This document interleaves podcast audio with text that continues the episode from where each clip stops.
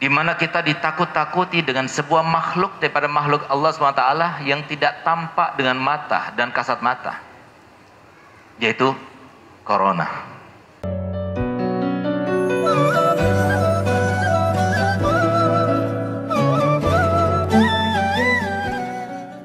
Assalamualaikum warahmatullahi wabarakatuh الحمد لله رب العالمين والصلاة والسلام على أشرف الأنبياء والمرسلين سيدنا وحبيبنا وشفيعنا ونور قلوبنا محمد حبيب رب العالمين وإمام الغر المحجلين وعلى آله وصحبه أجمعين. سبحانك لا علم لنا إلا ما علمتنا إنك أنت العليم الحكيم. Rabbi shrah li sadri wa yassir li amri wahlul 'uqdatam min lisani yafqahu qawli. Amma ba'du. Yang sama-sama kita muliakan kita hormati dan kita cintai para habaib anak cucu Nabi Muhammad wasallam. Yang keberadaan mereka di antara kita menjadi sebuah anugerah tersendiri bagi umat ini sekaligus menjadi sebuah ujian untuk mereka. Dikatakan sebagai anugerah karena keberadaan mereka di antara kita menjadi keterusan, kesinambungan, rahmat daripada Nabi kita Muhammad sallallahu alaihi wasallam. Keberadaan mereka di antara kita menjadi sebab kita tahu bahwasanya masih saja mukjizatnya Nabi ada yang masih bisa kita berinteraksi dengannya.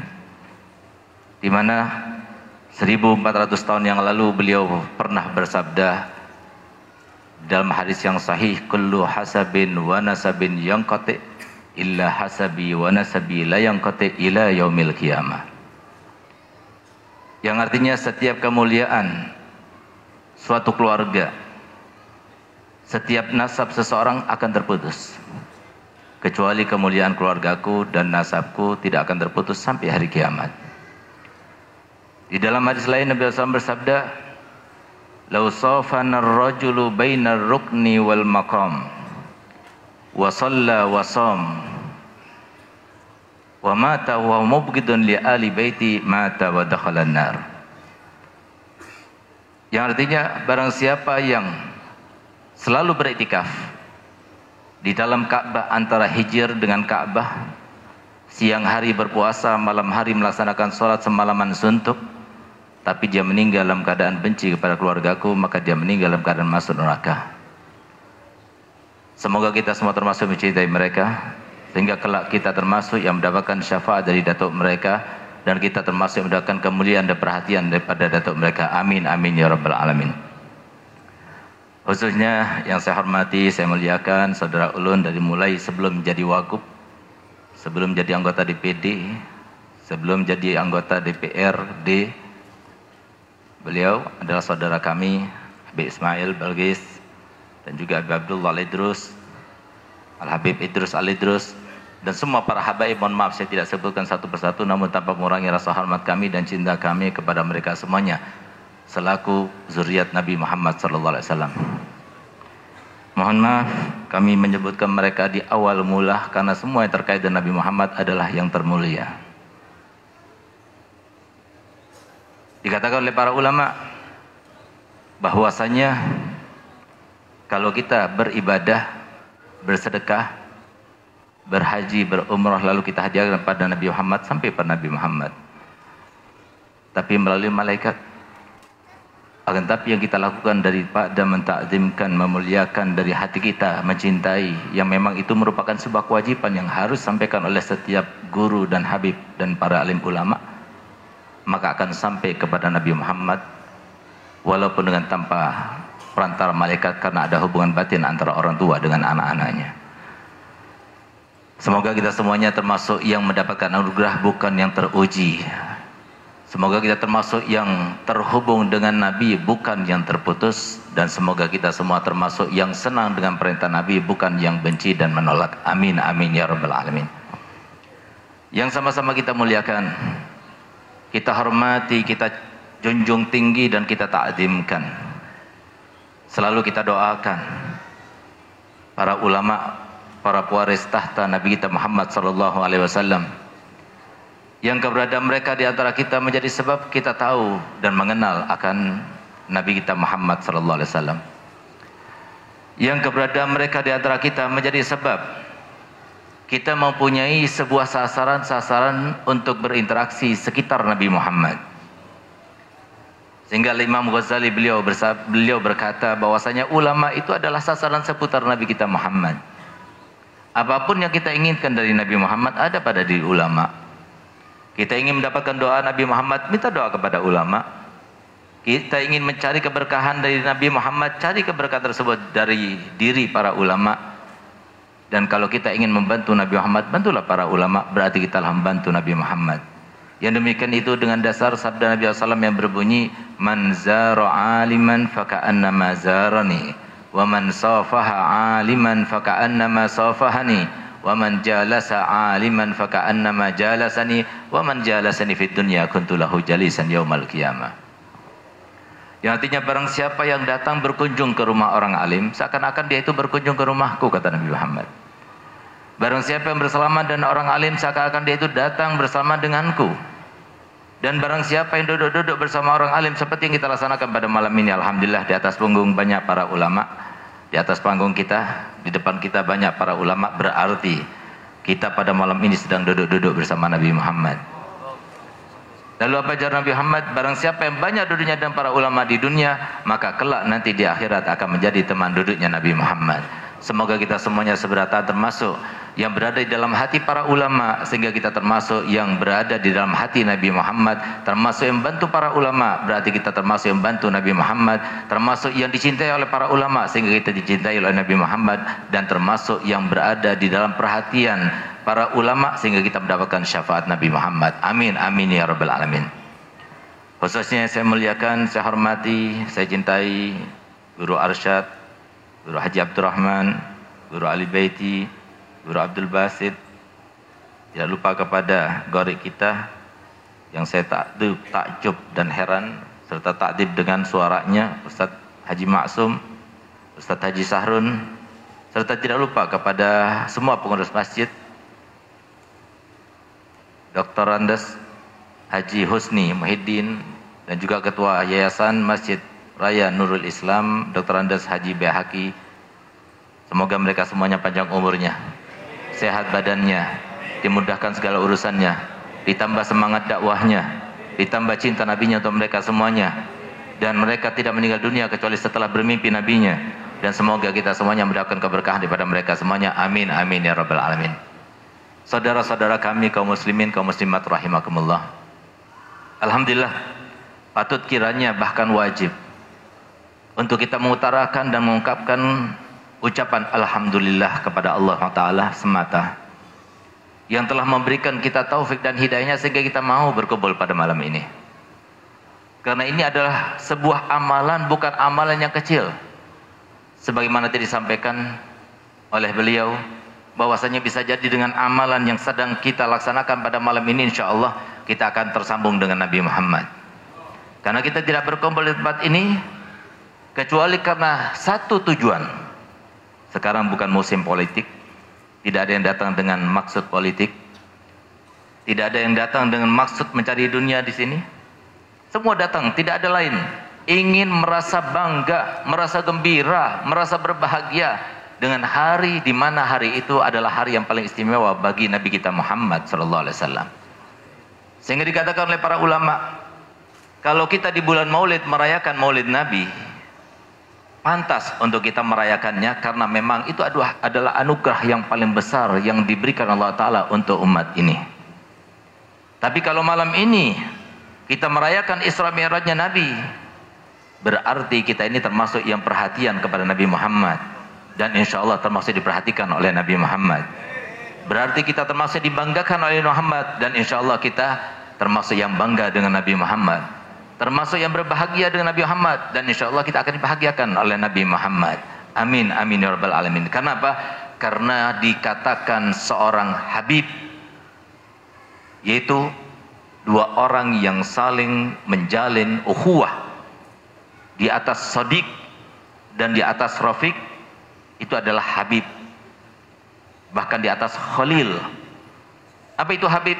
Alladhi yafrahu bi farahihi walladhi yahzanu bi huznihi yang ikut bahagia dengan bahagianya orang tersebut dan ikut sedih ketika orang itu merasa sedih alhamdulillah kita semuanya kumpul di sini gembira, para panitia semuanya sibuk dari beberapa hari sebelumnya. Semuanya yang mau masak, yang membungkus semuanya ingin ikut berbangga dan berbahagia dengan Nabi Muhammad. Apakah kemudian Nabi Muhammad tidak akan membalas? Tidak akan berkorban untuk kita semuanya padahal beliaulah di antara nabi yang pernah bersabda ana khairu mukafi fa in ahsana ahadukum ila ahadin falam yukafi'hu fa ana ukafi'hu qiyamah. Aku ini adalah manusia yang paling pandai membalas jasa. Kalau seumpama ada di antara kalian yang berbuat baik kepada orang lain, lalu orang lain itu tidak membalasnya untuk kalian, jangan khawatir. Aku yang membalasnya untuk kalian kelak nanti di hari kiamat. Kalau ini sampai ke Nabi Muhammad untuk orang lain yang berbuat baik kepada orang lain lalu tidak dapat balasan daripada orang lain itu. Apalagi kita semuanya berkumpul untuk Nabi Muhammad.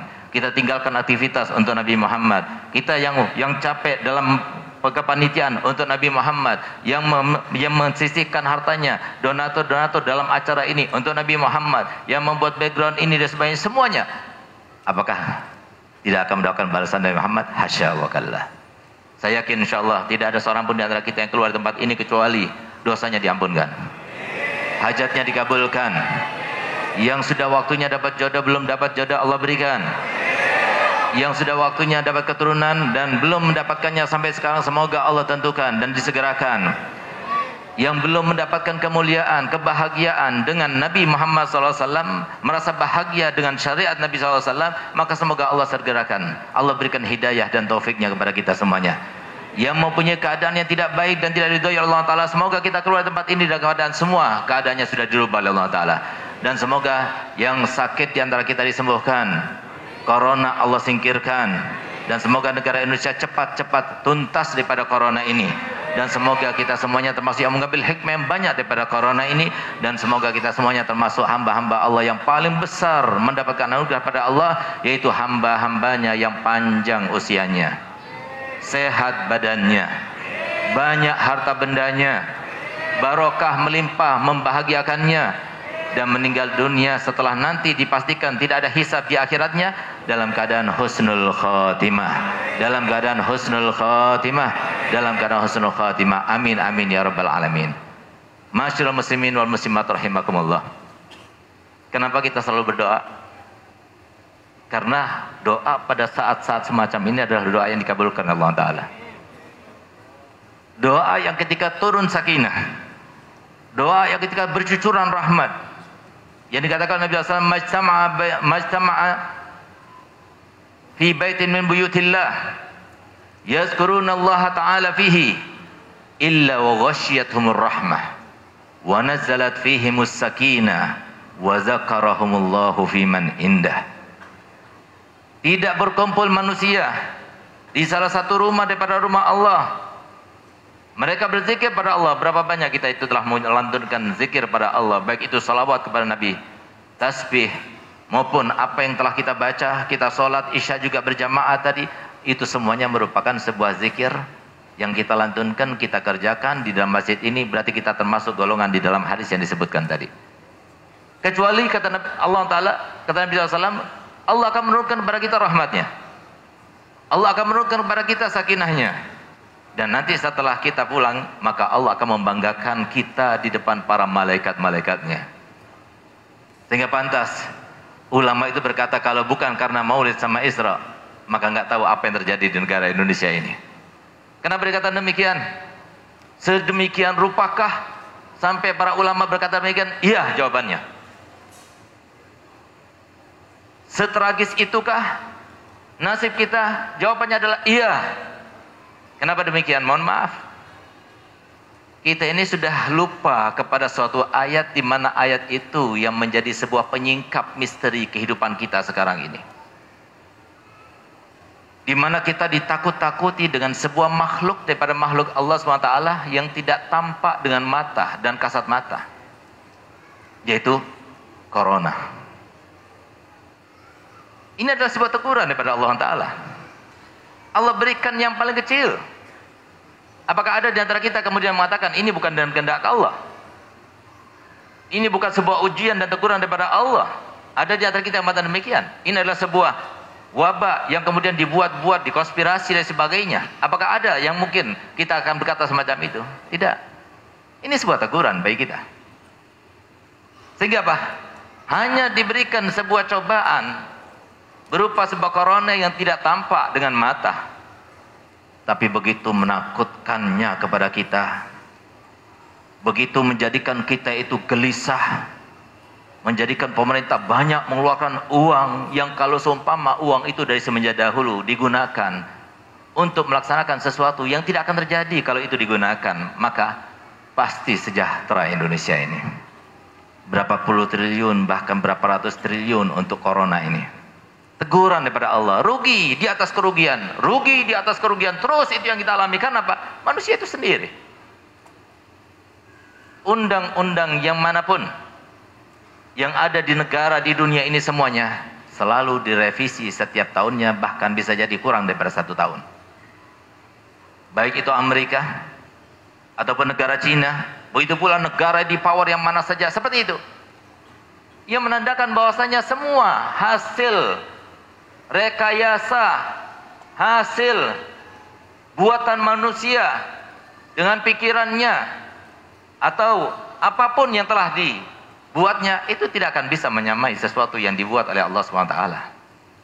Al-Quran turun 1500 tahun yang lalu tapi sampai sekarang harokatnya tidak berubah hurufnya juga tidak berubah bahkan di situ ada jaminan pada Allah Taala inna nahnu nazzalna dzikra wa inna lahu lahafidun kami yang menurunkan Al-Quran ini dan kami yang berjanji menjamin. Tidak akan ada yang bisa merubahnya kami yang menjaganya sendiri. Ada beberapa orang bukan berat bukan berapa orang ratusan orang bahkan ribuan orang yang sengaja untuk merubah Al-Quran. Dari mulai harokatnya sampai suratnya sampai ayatnya sampai memasukkan menyisipkan huruf-huruf di antara kalimat-kalimatnya tapi dalam waktu yang sekejap langsung ketahuan apakah demikian itu tidak akan merubah membuka kita? Di antara disebutkan oleh Allah Ta'ala yang sengaja para setan-setan itu yang kita itu sedang lupa dan lalai disangkanya setan itu adalah makhluk seperti makhluk yang biasa yang gak punya akal seperti kambing, seperti sapi, seperti kucing, seperti ayam. Tidak. Setan itu makhluk yang pintar. Kalau kita boleh kita singkap manakibnya dulu sebelum dia itu dilaknat manakib. Tapi sekarang masalib. Biarkan saja dia itu marah, biarkan saja dia itu benci kepada kita karena apa harusnya kita dibenci oleh setan, disayang oleh malaikat.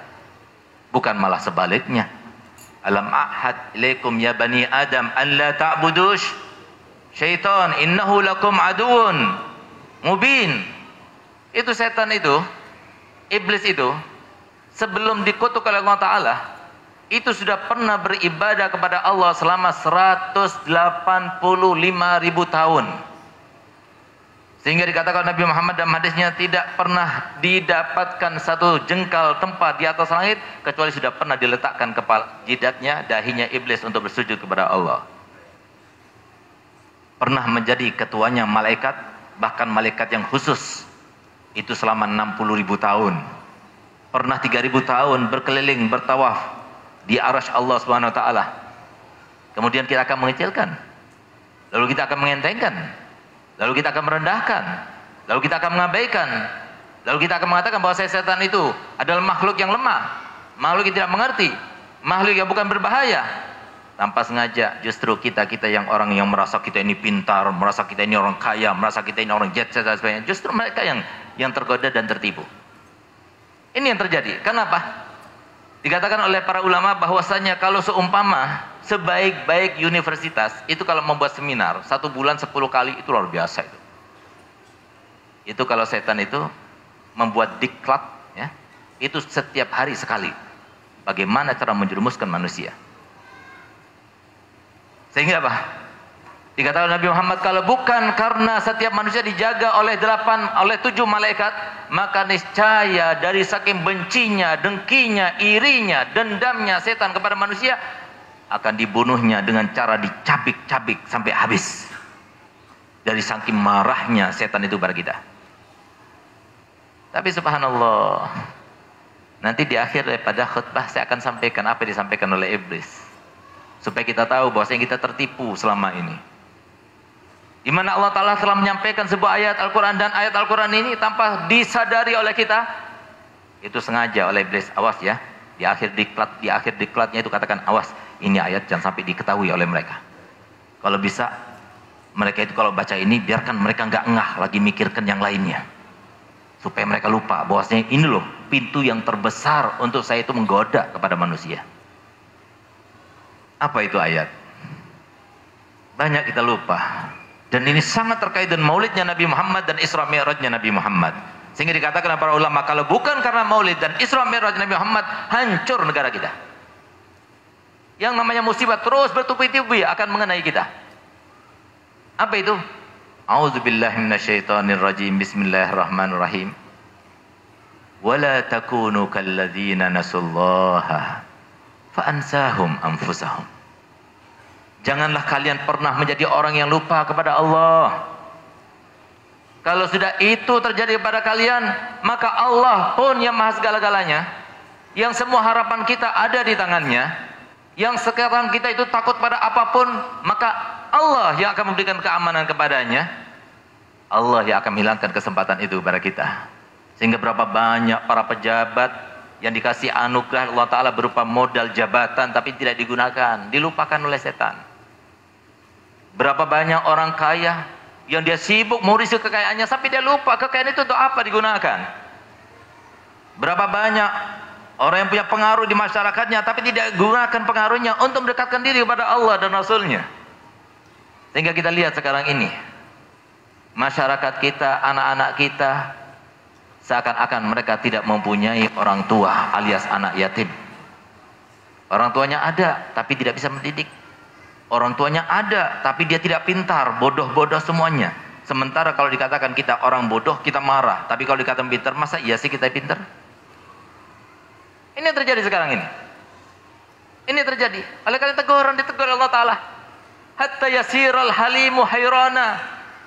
Kaifa antum iza tagha nisaukum wa syababukum. Bagaimana kiranya kalian? Kalau seumpama suatu waktu terjadi di mana anak-anak muda dan mudi kalian menjadi orang-orang fasik. Kapan itu? Sekarang. Di zamannya Nabi tidak ada. Sehingga mereka itu dari saking herannya. Sehingga mereka komplain dan bertanya kepada Nabi.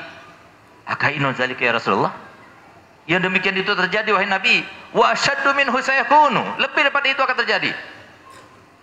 Kaifa antum? Iza taraktumul amra bil ma'ruf wan nahya anil munkar.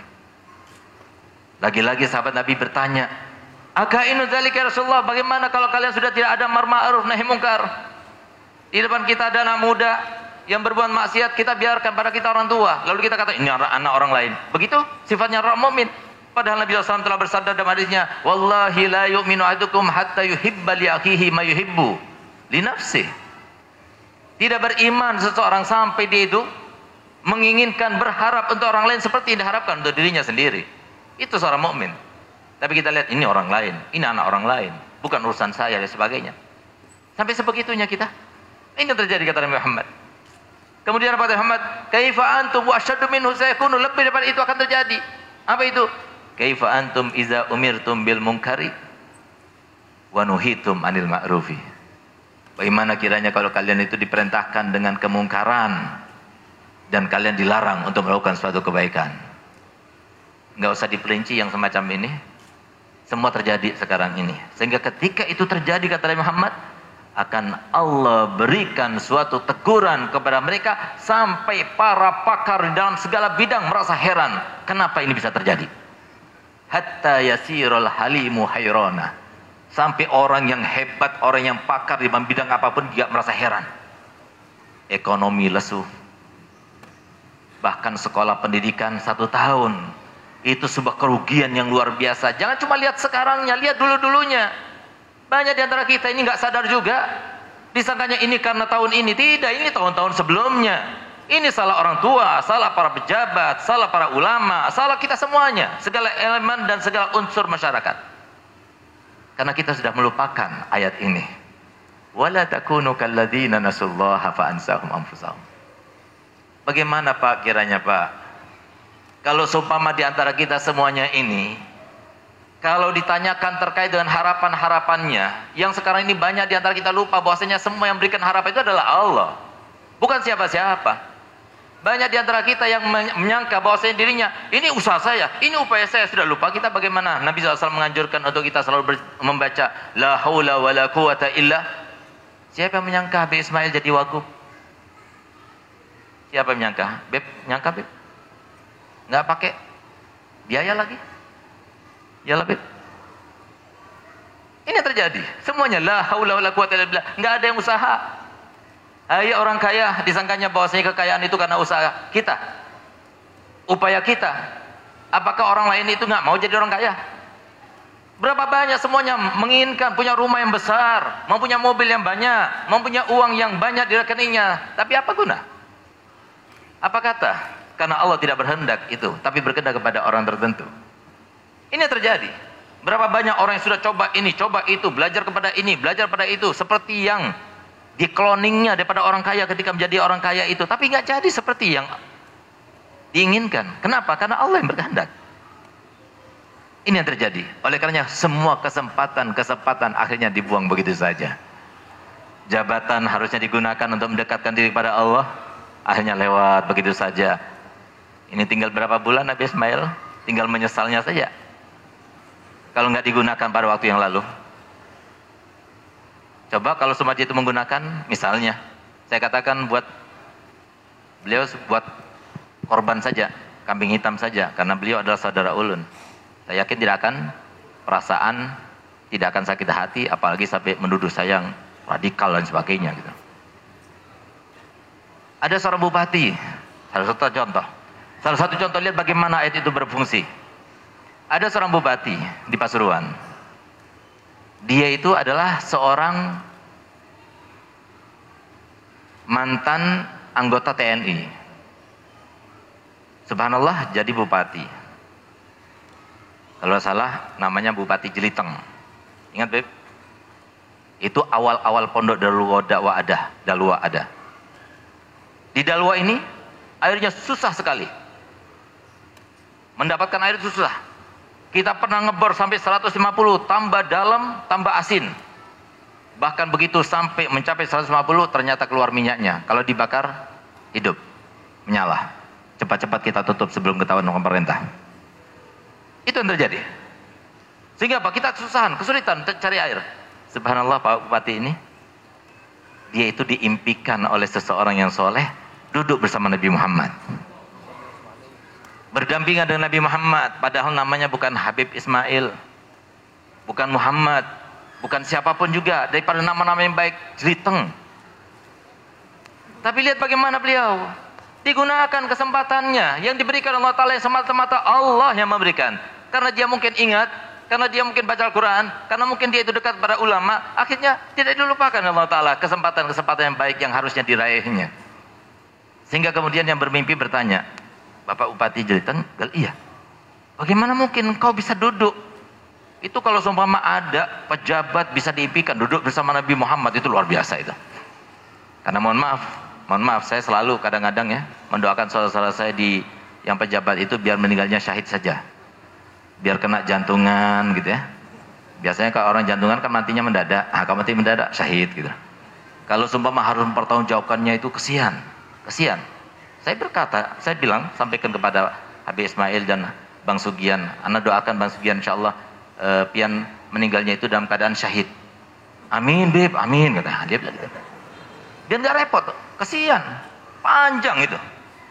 Tuntutannya panjang. Lihat bagaimana saya Umar bin Khattab Kenapa beliau itu sampai setiap malam dia itu jalan. Setiap siang beliau itu jalan. Apa katanya beliau? Sehingga tidak tidur dalam keadaan sengaja mengambil bantal lalu tidur di atasnya. Apa katanya dia? Kalau umpama aku tidak jalan di siang hari berarti aku telah melalaikan hak rakyatku. Tapi kalau aku tidak bangun malam pada malam hari, berarti aku telah mengabaikan hakku. Sehingga jadilah dia itu tidak pernah tidur kecuali ketiduran. Suatu waktu datang utusan-utusan dari berbagai kabilah-kabilah Arab yang baru masuk dan memeluk agama Islam dan tunduk kepada negara Islam. Tapi Sayyidina Umar bin Khattab dalam keadaan tertidur di tanah. Di atas tikar. Dalam keadaan di rumahnya yang sangat sederhana. Sehingga begitu datang para tetamu yang agung itu melihat Sayyidina Umar, disangkanya bukan Sayyidina Umar. Begitu dia bangun, disangkanya itu siapa pembantunya Sayyidina Umar atau siapanya Sayyidina Umar. Ternyata dialah Sayyidina Umar. Sehingga dia merasa heran, merasa takjub. Lalu apa kata beliau? Kenapa kau heran dengan keadaanku? Aku ini menjadi mulia dan Islam ini menjadi mulia bukan karena kabilahku. Bukan karena kekuatanku. Laqad a'azzanallah bil Islam. Faman talabal izzata bighairil Islam azallahu Allah. Aku ini mencari kemuliaan bukan karena kabilahku, bukan karena nasabku, tidak, tapi aku mendapatkan kemuliaan Islam itu karena Islam itu yang kami terapkan dalam kehidupan kami. Dan barang siapa yang mencari kemuliaan bukan melalui jalur Islam, maka dia akan dihinakan oleh Allah Subhanahu wa taala. Suatu waktu Nabi Muhammad berpesan kepada Imam Ali bin Abi Thalib dan kepada Syekh Umar bin Khattab. Ketika beliau menjelaskan terkait sifat daripada Uwais Al-Qarani. Beliau kata Nabi Muhammad, seorang yang bakti kepada ibunya. Namanya Uwais. Dia dari Murad dan dari kabilah Qaran. Dia pernah kena lepra. Kemudian Allah sembuhkan cuma dengan kadar segini saja yang tidak sembuh di daerah punggungnya. In lakituma ya Umar wa Ali utluba minhu an yastaghfira lakuma. Kalau kalian berdua, Waya Ali dan Umar, bertemu dengannya, mintalah kepadanya supaya memintakan ampun untuk kalian berdua. Kenapa Nabi SAW mengajarkan semacam ini? Ini ajaran Nabi Muhammad. Didikan Nabi Muhammad. Yang semua didikannya itu memuliakan kita. Menjadikan kita menjadi orang yang ditakuti, jaya. Tanpa kita berhutang. Ini yang terjadi. Sehingga apa? Semua yang disampaikan Nabi Muhammad sesuai dengan apa sebutannya. Gak ada yang luput satu pun nggak ada yang salah, semuanya terjadi, semuanya terbukti. Subhanallah, setiap kali para musim ketika musim haji para hujjaj datang ke Makkah dan Madinah selalu diumumkan dan diperintahkan oleh Syekh Umar Khattab untuk mencari tahu siapa namanya Uwais Al-Qarani itu. Sampai suatu waktu ada seseorang prajuritnya, tentaranya, bawahannya yang memberitahukan pada Umar, ya Umar ada satu orang yang tahu dengan Uwais Al-Qarani. Dia itu adalah pamannya. Panggil sini. Dipanggil oleh Syekh Umar.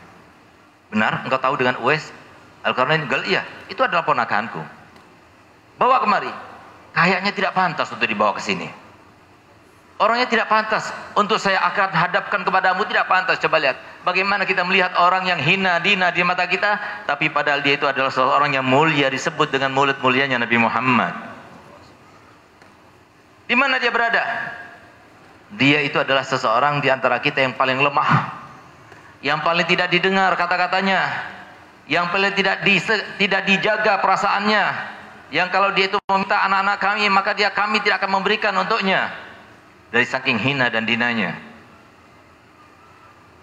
Tunjukkan padaku di mana dia berada. Dia kami sewa untuk mengembalakan unta-unta kami. Dia sekarang berada di pinggiran Arafah sana. Ya Ali, ikutlah bersamaku. Berangkatlah saya Umar dan saya Ali mencari tahu di mana Sayyidina Uwais sampai dia mendapatkan seseorang yang mulutnya nggak pernah berhenti berkomat kamit menyebutkan zikir pada Allah. Itu disebutkan orang yang tidak lupa kepada Allah maka dia tidak akan dilupakan kesempatannya. Sehingga pantas kalau para ulama ini adalah orang-orang yang tidak pernah lupa pada Allah sehingga orang-orang yang tidak mungkin kita tandingi. Kebaikannya tidak mungkin bahkan akan membantu Nabi Muhammad salah satu daripada tiga golongan yang akan memberikan syafaat kepada umat Nabi Muhammad. La yashfa yaumal qiyamah illa salasatun al-anbiya semal ulama semua syuhada. Hanya tiga golongan saja. Kenapa? Dari saking banyaknya. Kebaikan demi kebaikan. Kenapa kebaikan ulama banyak? Karena mereka tidak pernah lupa pada Allah. Pidato ingat Allah, sholat ingat Allah, ketemu muridnya ingat Allah. Ketika seseorang mendapatkan dirinya, keadaannya lupa kepada Allah, maka tunggulah saatnya Allah akan melupakan. Apa yang kita inginkan? Kekayaan. Datangnya daripada Allah. Kesempatan apa pun, Allah yang memberikannya. Bukan setan, tidak ada Allah lainnya. Allah kita yang punya. Bagaimana kita akan mendapatkan? Oleh karenanya dilupakan. Coba lihat bagaimana. Akhirnya ditanya, kamu Uwais? Goliah. Pertama kali tidak mengaku dia sebagai Uwais. Siapa namamu? Aku adalah Abdullah. Apa kata Syekh Umar Khattab? Ya. Semua di antara kita adalah hamba Allah, tapi nama yang diberikan oleh ibumu siapa? Maka baru dia menjawab, Uwais. Kamu dari Murad? Galiah. Kamu dari kabilah Qaran? Galiah. Kamu pernah kena lepra? Galiah. Tinggal sekian saja? Galiah. Dari mana kamu tahu? Kamu tahu semuanya tentang diriku. Apa jawaban Imam Ali? Wahai Uwais, ketahuilah yang bertanya kepadamu sekarang ini adalah Amirul Mukminin Umar bin Khattab dan aku adalah Ali bin Abi Thalib. Begitu mendengar dua nama tersebut, apa yang terjadi?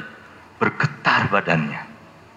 Bergetar badannya saking himungnya, saking bahagianya, lalu dipeluknya keduanya, berselaman dengan keduanya. Dari semenjak lama aku sangat ingin melihat kepada engkau wahai Amirul Mukminin dan kepada engkau wahai Ali bin Thalib. Tapi lihat bagaimana anak didik Nabi Muhammad SAW. Justru katanya, justru aku semenjak dulu aku ingin mencari tahu mana yang namanya Uwais al-Qarni. Sekarang aku sudah mengetahuinya. Aku bersyukur kepada Allah Ta'ala karena sudah bertemu dengannya. Ke mana engkau ingin pergi? Wahai Amir, sekarang aku ingin pergi ke Irak. Kalau begitu, aku akan tulis surat kepada bawahanku di sana untuk menghormati kamu dan memudahkan semua urusan kamu. Apa jawabannya? Wahai Amir, aku lebih senang berkumpul dengan orang-orang yang tidak berarti, yang tidak dipandang dan disaksikan oleh banyak orang. Lebih lepas beban, lebih tidak banyak membuat diriku itu akhirnya berbohong sana, berbohong sini hanya untuk menjaga diri di depan mata mereka, tapi di depan Allah belum tentu. Kalau begitu tunggu di sini. Biarkan saya pulang, saya akan memberikan sedikit untuk buat kamu sangu. Apa jawabannya? Wahai Amirul Mukminin, aku mengembalakan unta ini dengan bayaran 4 dirham. Dan aku masih mempunyai pakaian ini dan satu setel lagi. Dua-duanya itu belum habis sampai sekarang. Belum pernah aku gunakan. Lalu engkau akan menambah lagi dengan uang. Untuk apa aku akan gunakan? Ingat wahai Amirul Mukminin, di depan kita banyak kejadian-kejadian yang merupakan sebuah ujian dan imtihan daripada Allah untuk bagaimana kita merespon belum tentu kita termasuk yang selamat di saat itulah Sayyidina Umar bin Khattab sambil meneteskan air mata beliau lepaskan cemetinya dan dibuang ke bawah dan mengatakan andai kata ada yang mau menggantikan aku aku akan berikan kekuasaanku ini sekarang juga lalu apa kata saya Uwais ini adalah pertemuan kita terakhir dan kita tidak akan bertemu kecuali di telaga Kausar Nabi Muhammad wasallam. Kemudian beliau menghilang dan menjauh. Ini yang terjadi. Tanggung jawab. Tanggung jawab. Banyak di antara kita yang merasa bahwasanya yang penting saya masuk surga sendirian bersama Nabi Muhammad. Enggak mungkin itu terjadi.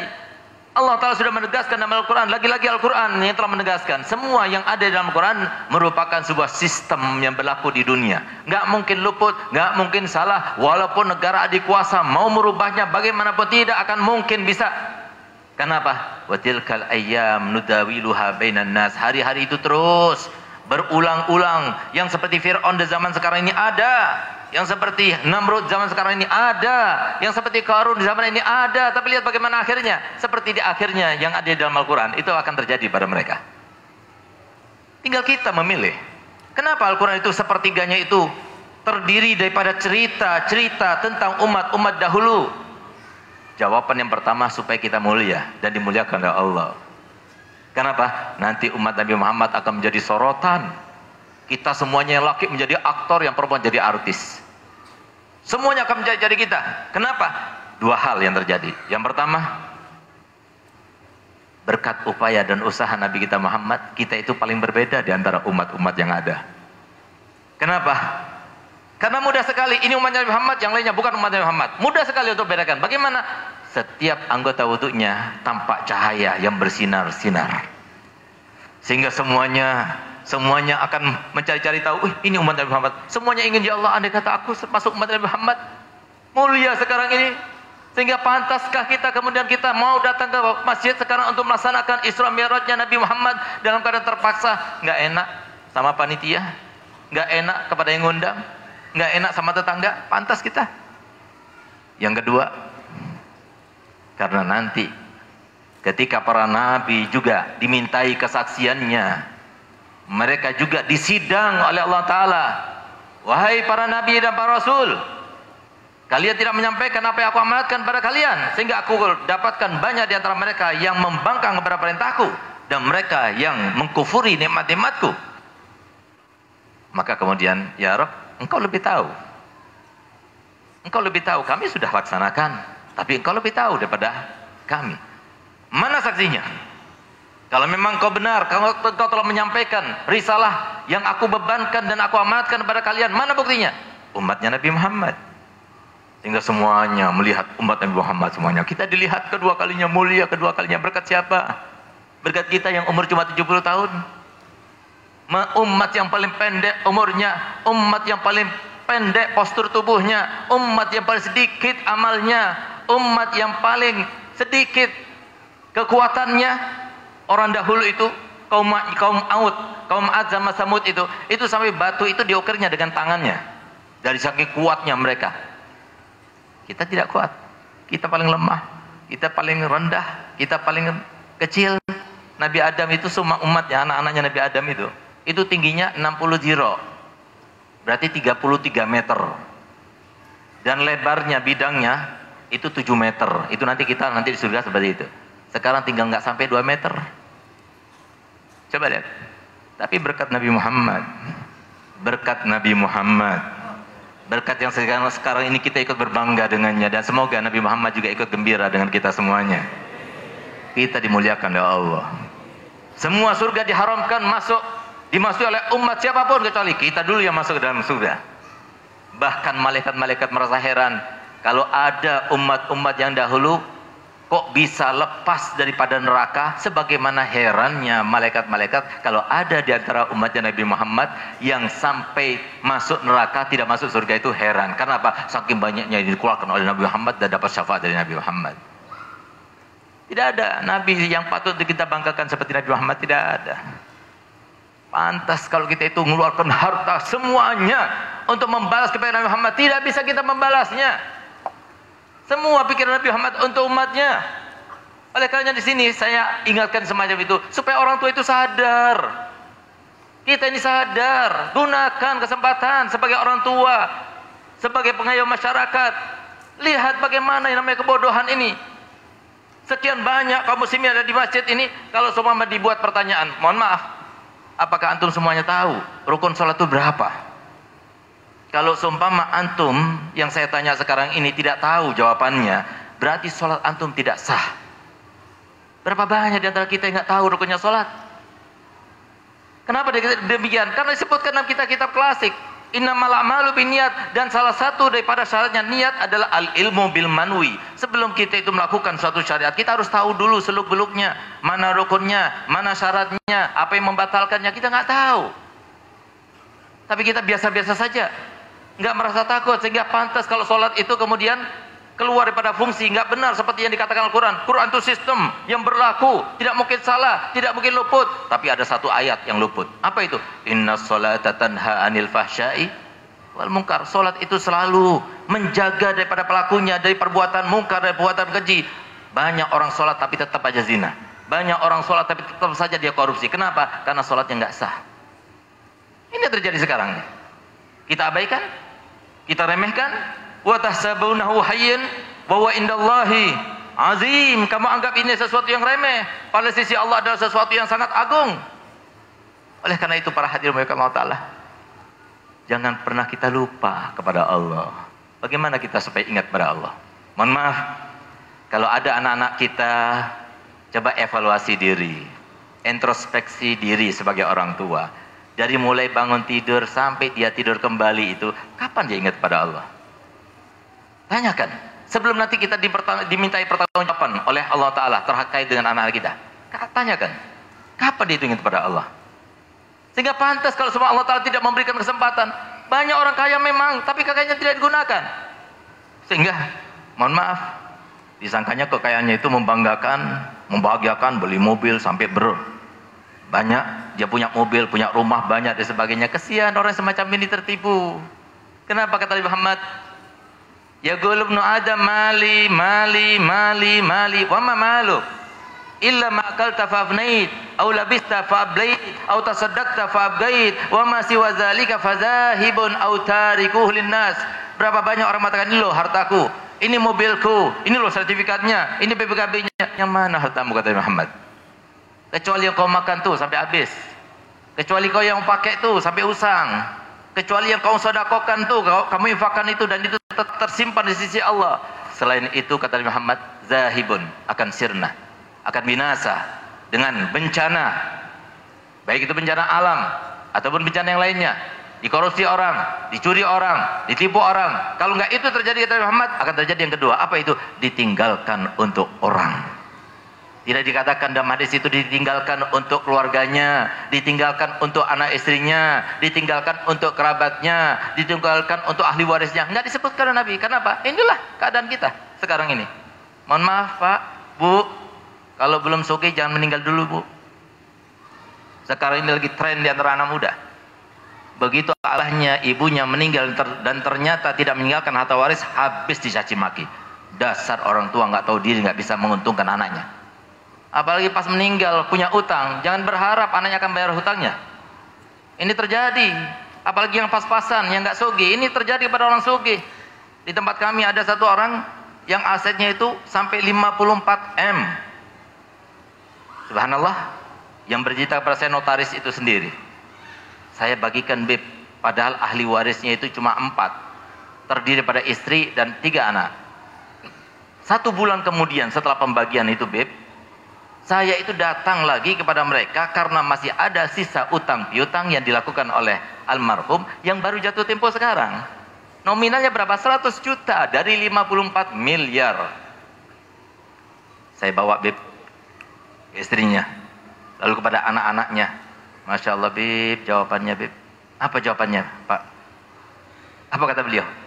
Mereka semuanya Bib, tanpa diajari Bib, mereka semuanya sama Persis seperti jawaban yang pertama, kedua, ketiga, empat. Apa itu jawabannya? Yang berhutang kan almarhum sana, minta ke almarhum sana. Sudah lupa bagaimana Nabi SAW ketika diminta oleh sahabatnya yang meninggal dunia, saudaranya ya Rasulullah, saudaraku meninggal dunia, engkau solati, gal baik, bawa, bawa ke masjid, dibawa. Begitu Nabi SAW akan solati, maka sempat Nabi bertanya, apakah sahabatmu ini, saudaramu ini punya utang? Gal iya ya Rasulullah. Berapa hutangnya? Empat dirham. Empat dirham itu kalau diuangkan sekarang dengan harga perak 15 ribu, itu 129 ribu cuma. Tapi kemudian apa yang dilakukan Nabi Muhammad kalau begitu? Sallu ala ahikum, salati saudara kamu. Nabi menolak untuk menyalatinya. Sampai kemudian sahabat Sa'ad bin Abi atau sahabat Ali bin Abi Thalib, dia mengatakan, "Ya Rasulullah, salatilah, aku yang menanggung hutangnya." Terjadi siang hari, sore hari dicari. Ali, sudah kau bayarkan hutangnya? Belum. Cepat kau bayarkan hutangnya. Malam hari cari lagi. Ali, sudah kau bayarkan hutangnya? Belum. Cepat kau bayarkan hutangnya. Pagi harinya cari. Ali, sudah kau bayarkan hutangnya? Baru saja Rasulullah, aku pulang dari rumahnya untuk membayarkan hutangnya. Apa jawaban Nabi Muhammad? Baru saja aku melihat api yang membakarnya dalam kuburnya sekarang padam. Kenapa Nabi Muhammad menolak untuk menyalatinya? Karena syafaat Nabi Muhammad tidak akan sampai pada orang banyak hutang. Ini masalah kita. Semuanya kita ini meninggal sendirian. Akan ditanya sendirian. Enggak bersama-sama kita akan ditanya. Semuanya kita akan dimintai respon. Bagaimana kita akan selamat? Bagaimana anak kita itu akan bahagia hidupnya? Bahagia itu bukan dengan materi. Bahagia itu bukan dengan finansial. Bahagia itu bukan dengan kemegahan rumah. Bahagia itu bukan dengan mewahan. Bahagia itu dengan ketakwaan dan keimanan. Sudah lupa kita? Kenapa Nabi Muhammad SAW sampai beliau bersabda, "Masali wa masalukum kamasali man istauqada nar." Perumpamaan diriku dan kalian seperti orang yang membakar api unggun. Ketika terbakar api unggun, apa yang terjadi? Banyak binatang serangga yang kecil-kecil datang. Dia nggak tahu ini api. Maka kemudian masuk dan terbakar. Masuk dan terbakar. Aku menghalangi kalian. Aku menghalangi kalian. Fa'ana haji akhidun bihujazikum wa antum tuflituna min yadi. Aku berusaha untuk menyelamatkan kalian dengan aku ambil bokong kalian satu persatu. Jangan, itu neraka, itu azab, itu siksa, itu sengsara, itu kesedihan. Tapi kalian berusaha untuk melepaskan dengan berbagai cara bagaimana caranya supaya kamu itu lepas daripada tanganku. Ini yang terjadi sekarang ini. Pondok-pondok itu bukan pondoknya kiai, pondoknya Nabi Muhammad. Madrasah-madrasah itu bukan madrasahnya para kiai, para guru, madrasahnya Nabi Muhammad. Sekarang kita sedang menghauli siapa? Aba Guru Zaini. Tidak cukup kita mengambil bukti. Siapa yang bisa mengalahkan pengaruhnya Aba Guru Zaini? Dari Kalimantan Selatan, Kalimantan Tengah, sampai Kalimantan Timur. Bahkan sampai ke, dua, ke luar negeri sana. Ada di antara kita yang bisa mengalahkan. Kenapa kita tidak mau anak kita seperti beliau? Kenapa beliau itu menjadi orang yang mulia, dikenang, di mana-mana bikin haulan, bikin haulan, bahkan haulannya itu memecahkan rekor sampai yang hadir itu 2 juta orang lebih. Kenapa kita tidak melihat pada yang semacam itu sampai kita lupa? Disangkanya yang namanya kebahagiaan masa depan anak kita ditentukan materi. Materi yang mana Pak? Kebahagiaan itu adalah rasa di dalam hati. Bahagia itu seperti sekarang kita rasakan. Bahagia dengan Allah. Bahagia dengan Nabi Muhammad.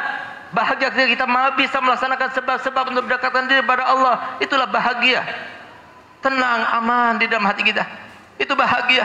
Dikatakan bahagia dia pegang uang tapi pikiran dikatakan bahagia. Memang benar dia punya kasur yang mahal, ranjang yang mahal sampai ratusan juta. Tapi ketika orang itu tidur di atasnya dia tidak bisa tidur, dikatakan bahagia. Bahagia semacam itu. Bahagia dengan Allah dan Rasulnya. Bahagia kalau kita bisa taat kepada Allah. Bahagia kalau kita bisa melihat anak kita sholat jamaah. Bahagia kalau kita bisa melihat anak kita tidak bergaul dengan pergaulan bebas. Bahagia kalau kita bisa berselawat kepada Nabi Muhammad. Bahagia kalau kita bisa bertikar di dalam masjid. Semuanya itu akan bahagiakan kita. Itulah bahagia. Tapi kalau bahagia, bahagia terkait dengan harta benda kita tidak membahagiakan, kita akan ditanya nanti di kubur kita. Belum tentu kita termasuk yang selamat. Kita akan ditanya tentang istri kita. Kita akan ditanya tentang anak-anak kita. Sehingga pantas kalau abah saya rahimallah rahmat abrar tiga hari sebelum meninggal dunia beliau katakan kepada saya anak-anakku pondok ini bukan semuanya dibangun oleh donatur dengan uang pondok ada uangnya habis itu tapi dengarkan ikrarnya Abi uangnya Abi yang di pondok maupun di pondok semuanya saya wakafkan untuk Allah dan Rasulnya Muhammad tapi jangan sampai kalian berkata bahwasanya Abi ini jahat bengis tidak menjaga harta waris kepada kalian Tugasnya Abi sebagai orang tua menjadikan anak-anaknya soleh dan solihah saja. Itu kewajiban orang tua. Kalau sudah anak-anaknya Abi soleh dan solihah, Allah yang akan mengurusnya. Bahwa yatawalla salihin, wahwa yatawalla salihin, wahwa yatawalla salihin. Allah yang akan mengurusi orang soleh. Allah yang akan mengurusi anak kita yang soleh. Allah yang akan mengurusi istri kita yang solihah. Allah yang akan mengurusi anak-anak keturunan kita yang soleh. Bukan harta benda kalau Abi meninggalkan harta triliunan untuk kebahagiaan kalian tidak akan cukup untuk kebahagiaan kalian. Tapi kalau Abi menjadikan kalian soleh di mana pun kalian akan berada, Allah yang mengurusi kalian. Alhamdulillah. Saya punya rumah bagus, loteng. Saya punya mobil Alphard. Saya punya mobil Harrier. Bagus-bagus semuanya. Demi Allah, Alhamdulillah. Tidak repot membelinya nggak usah kita itu menabung-nabung alhamdulillah semuanya dimudahkan oleh Allah taala lalu kita tidak merasa bahagia lalu saya akan bertukaran dengan jabatan Habib Ismail demi Allah saya tidak akan mau itulah dikatakan oleh oleh saya punya abah bahwasanya kalau seumpama ada orang yang mau beli tugas kami untuk berdakwah menyenangkan Nabi Muhammad SAW menyadarkan Nabi menyadarkan umat Nabi Muhammad dan merealisasikan ikut membantu perjuangan Nabi Muhammad Kenapa Nabi Muhammad dalam hadis yang mengatakan innama ana basyarun mislukum? Kenapa Nabi selalu mengatakan demikian? Karena Nabi Muhammad punya cita-cita, Nabi Muhammad punya kehendak, Nabi Muhammad punya angan-angan. Ketahuilah bahwa saya cita-cita Nabi Muhammad, angan-angan Nabi Muhammad, harapan Nabi Muhammad, kehendak Nabi Muhammad semua umatnya masuk surga bersama Nabi Muhammad. Siapa yang membantu kita? Siapa yang membantu Nabi Muhammad? Orang tuanya pun tidak membantu anak-anaknya untuk membantu Nabi Muhammad. Ini sekarang terjadi para hadirin. Oleh karenanya saya akan menutup dengan membaca sebuah ayat dan semoga kita bukan termasuk yang melakukannya dan mengalaminya. Di mana Allah Taala firman dalam Al-Qur'an, "Wa syaitanu lamma qudiyal amru." Dan berkatalah setan, siapa lagi oh, bukan iblis, yang Allah ingin menyangsarakannya lebih, memberi siksa lebih, maka diletakkan di atas sebuah singgasana, tapi semua azab ada di dalam singgasana itu. Tidak dibiarkan seorang pun daripada yang menghuni neraka kecuali pasti akan menunjuk-nunjuk gara-gara ini nih aku ada di neraka. Gara-gara ini nih aku ada di neraka. Gara-gara ini aku berzina. Gara-gara ini aku melanggar perintah Allah. Gara-gara ini aku durhaka pada orang tua. Gara-gara ini aku menjadi istri yang taliha. Gara-gara ini semuanya ditunjuk iblis. Sehingga ditunjuk-tunjuk terus merupakan sebuah siksaan tersendiri kepadanya. Dia menjawab dan dia berkata, "Wa qala syaitanu lamma qudiyal amru." Maka nali alaikum min sultan. Siapa bilang aku punya kekuasaan kepada kalian? Nyentuh pun saya tidak bisa. Illa anda utukum fastajubtum li. Aku yang bisa lakukan adalah merayu kalian, menipu kalian. Ternyata kalian tertipu. Innallaha wa'ada. Inna wa'dallahi haqq. Inna Allah wa inna wa'dallahi haq. Sesungguhnya segala macam janji Allah benar yang di dalam Al-Quran semuanya benar. Yang disampaikan Nabi Muhammad semuanya benar. Wa wa'adtukum fa ahlaftukum. Dan aku banyak janji kepada kalian semuanya janjiku itu tidak benar tidak aku tepati maka nali alaikum sultan. Aku tidak pernah mempunyai kekuatan kepada kalian sama sekali nggak punya. Saya nggak bisa memegang tangan kalian atau memegang kerah baju kalian, ayo berzina, zina, ayo curi-curi. Nggak bisa. Illa anda utukum. Aku hanya membisiki, aku hanya merayu. Cepat-cepat ambil, ambil, ambil. Tidak lihat, ambil. Itu yang saya lakukan. Fastajabtum luli. Kalian itu mengikuti apa yang aku minta. Fala talumuni walumu anfusakum. Jangan kalian caci aku. Sudah bilang kan Nabi Muhammad itu iblis. Alam ahad ila bani Adam an la ta'budu syaitan. Innahu adu mubin. Tapi kita tidak mau. Bagaimana kita bisa membedakan ini adalah lintasan malaikat ini lintasan setan? Kalau nggak pernah belajar. Gunakan pak. Gunakan logika kita. Bagaimana mungkin anak kita akan menjadi aneh bakti para tuanya? Bagaimana mungkin anak kita akan menjadi rajin sholatnya kalau kita tidak pernah mengenalkan bagaimana kewajiban sholat kepada mereka? Bagaimana mungkin anak-anak kita menjadi ah ahlaknya mulia kalau seumpama kita tidak pernah mengenalkan kepada mereka ahlak yang mulia. Saya berkata demikian mohon maaf bukan berarti saya bertentangan atau saya tidak setuju anak-anak bapak diletakkan dan berikan formil. Saya sendiri seorang formil. Saya sendiri seorang rektor. Alhamdulillah S1 saya di Dalwa. S2 saya di Unsuri Surabaya. S3 saya di dua tempat di UIN di UIN Malang alhamdulillah sudah selesai hanya dalam waktu tiga tahun dengan predikat laude dan yang satu lagi di UTM Malaysia dan karena pandemi ini maka saya belum bisa melanjutkan tapi alhamdulillah disertasi sudah siap. Saya mencari ini semuanya Pak hanya untuk mengingatkan kalau seumpama saya mengatakan demikian hati-hati kalau cuma masuk ke pendidikan formal tanpa mengenyam ilmunya Nabi Muhammad tidak akan selamat nggak bakal bahagia Imam Ghazali yang mengatakan dalam kitab Ihya Ulumuddin wala yaslamu hina izin minal fitani illa man ahyallah galbahu bil tidak akan ada yang selamat pada saat zaman fitnah yang dahsyat pada saat itu? Kecuali bagi mereka yang dihidupkan hatinya dengan ilmunya Nabi Muhammad sallallahu alaihi wasallam. Silahkan.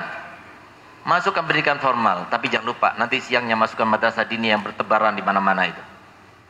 Sekarang pondok pesantren di mana-mana sudah ada ijazahnya kalau nggak mau juga habis maghrib datangkan para guru guru agama untuk meleskan anak-anak kita. Biarkan hadir kepada majelis-majelis, hadir, wajibkan hadir untuk supaya ingat pada Allah. Hanya dengan cara itu. Kalau tidak, maka kita tidak akan selamat. Oleh karena itu para hadirin mulia Allah Ta'ala, semoga dengan berkat Isra Mi'rajnya Nabi Muhammad SAW kita termasuk yang sadar.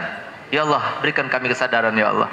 Ternyata semuanya Engkau berikan kepada kami semata-mata anugerah darimu ya Allah untuk kami. Kami gunakan untuk mendekatkan diri kepadamu ya Allah. Jadikanlah kami termasuk yang menggunakan kesempatan yang ada ya Allah. Dengan kami dekat kepada para ulama dengan kami belajar dan duduk kepada para ulama sehingga kami sadar dan kami tahu mana yang benar mana yang salah mana yang wajib mana yang tidak mana yang haram dan mana yang wajib kita lakukan. Ya Allah jadikanlah kami termasuk yang mencintai kepada Nabi Muhammad dan ulama Nabi Muhammad.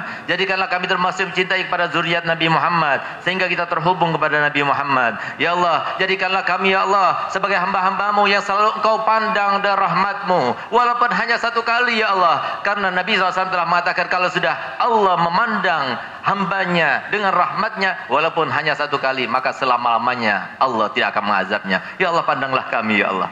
Kami tidak punya kekuatan ya Allah yang menguasai setan engkau yang menciptakan setan bahkan engkau yang membuat bisikan-bisikan hawa nafsu dan godaannya engkau.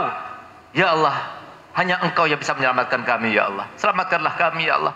Nabi Muhammad SAW telah bersabda, Ya Allah, perbaikilah akhlak kami ya Allah. Jika engkau mudahkan kami akan berakhlak yang baik. Ya Allah, jauhkanlah kami daripada akhlak yang tidak baik ya Allah. Kalau engkau mau dan berkehendak ya Allah, maka kami akan benci kepada akhlak yang tidak baik. Ya Allah, sebagaimana itu dikatakan Nabi Muhammad SAW, kami juga katakan, kami akan katakan pada kami semua ya Allah. Kalau engkau tidak memberikan hidayah kepada kami, bagaimana mungkin kami akan bisa mendekat kepadamu ya Allah. Bagaimana mungkin kami akan terhubung kepada Nabi Muhammad SAW. Ya Allah, dekatkanlah kami ya Allah. Hilangkan segala penyakit hati ini ya Allah. Hilangkan rasa sifat sombong yang ada dalam hati ini ya Allah. Merasa lebih baik daripada satu orang pun di dunia ini ya Allah. Ya Allah banyak di antara kami bahkan telah melupakan sesuatu yang karenanya kita mendapatkan nikmat. Sesuatu yang karenanya kita itu mendapatkan kemuliaan. Sesuatu yang karenanya kita mendapatkan jabatan. Orang tua kita sudah meninggal dunia. Yang dikatakan oleh Nabi Muhammad al-mayyitu fi qabrihi kal ghariqil Mayat di dalam kuburnya itu seperti orang yang akan tenggelam meminta tolong, minta tolong sampai kami lupa untuk berziarah. Sampai lupa kami mendoakan mereka. Padahal mereka tidak lupa untuk merawat kami. Ya Allah di masa kecil kami. Ya Allah. Ya Allah sekarang kau ingatkan kami. Ya Allah sebagaimana kau telah ingatkan kami. Maka bantulah kami untuk berdoa kepadamu ya Allah. Jika mereka di dalam alam kubur sana engkau siksa, angkatlah siksanya ya Allah. Jika di dalam alam kubur sana ya Allah, ternyata di alam yang sangat gelap dan sempit, ya Allah luaskan dan jadikan terang menderang dan bersambung surga ya Allah. Ya Allah hanya anak-anak yang berbakti pada tuanya mendoakan kedua orang tuanya. Jadikanlah anak-anak kami adalah anak-anak yang berbakti pada kedua orang tuanya. Ya Allah biarkan kami mempunyai logika ini digunakan sesuai dengan yang engkau inginkan, sesuai dengan apa yang diharapkan oleh Nabi Muhammad SAW. Sehingga kami tidak mungkin lepas daripada suatu kenyataan dan kebenaran yang engkau telah titipkan dan engkau telah tentukan kepada kami semua ya Allah. Rabbana atina fid dunya hasanah wa fil akhirati hasanah wa qina azabannar. Sebelum saya akhiri, saya akan memberikan ijazah kepada antum-antum semuanya. Di mana ijazah itu juga merupakan sebuah kasih sayangnya Nabi Muhammad untuk kita semuanya. Kalau kita diumumkan sekarang ini bahwasanya sebentar lagi kita nggak langsung keluar tapi kita baca Yasin 41 kali kira-kira gimana setuju nggak? Nah itulah yang terjadi. Nabi Muhammad tahu mutunya umat di akhir zaman ini sangat lemah sehingga subhanallah pada tahun 2016 ada salah satu daripada putra abah saya yang bermimpi Nabi Muhammad diajarkan salawat oleh Nabi Muhammad. Begitu bangun langsung hafal. Kata Nabi Muhammad yang baca salawat ini sebanyak 41 kali habis sholat subuh maka sama seperti hasiatnya baca Yasin sebanyak 41 kali dalam mengabulkan hajat, mudahkan urusan, melapangkan segala kesulitan, menggapai segala harapan dan membentengi diri daripada hal yang sangat menakutkan atau mengkhawatirkan.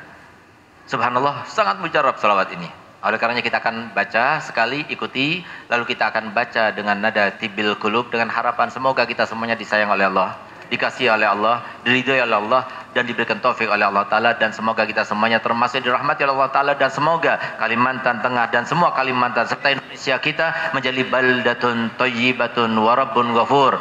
Presiden kita, menterinya dan semua gubernur, semua semua para bupati, semua wali kota semoga diberikan kekuatan oleh Allah Ta'ala untuk membawa masyarakatnya ke ranah hidayah, ranah kemenangan, ranah daulah Tayyibah dan ranah daulah aminah ranah daulah mun'imah insyaallah. Amin ya rabbal alamin. Bismillahirrahmanirrahim. Allahumma salli wa sallim ala sayyidina Muhammadin sahibil bushra salatan tubashiruna biha wa ahlana wa auladana wa jami'a masyaikhina wa muallimina wa talabatana wa talibatina wa talibatina min yaumina hadha ila yaumil akhirah. Bismillahirrahmanirrahim. Allahumma salli wa sallim ala sayyidina Muhammadin sahibil bushara salatan tubashiruna biha wa ahlana wa auladana wa jami'a masyaikhina wa muallimina wa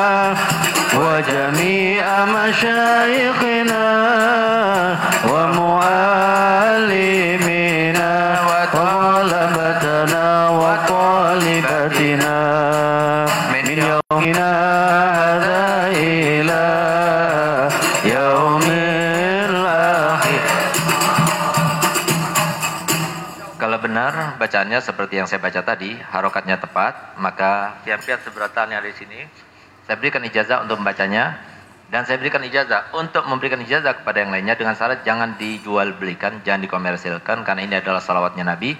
Ayo sama-sama kita jawab, saya terima ijazahnya Habib.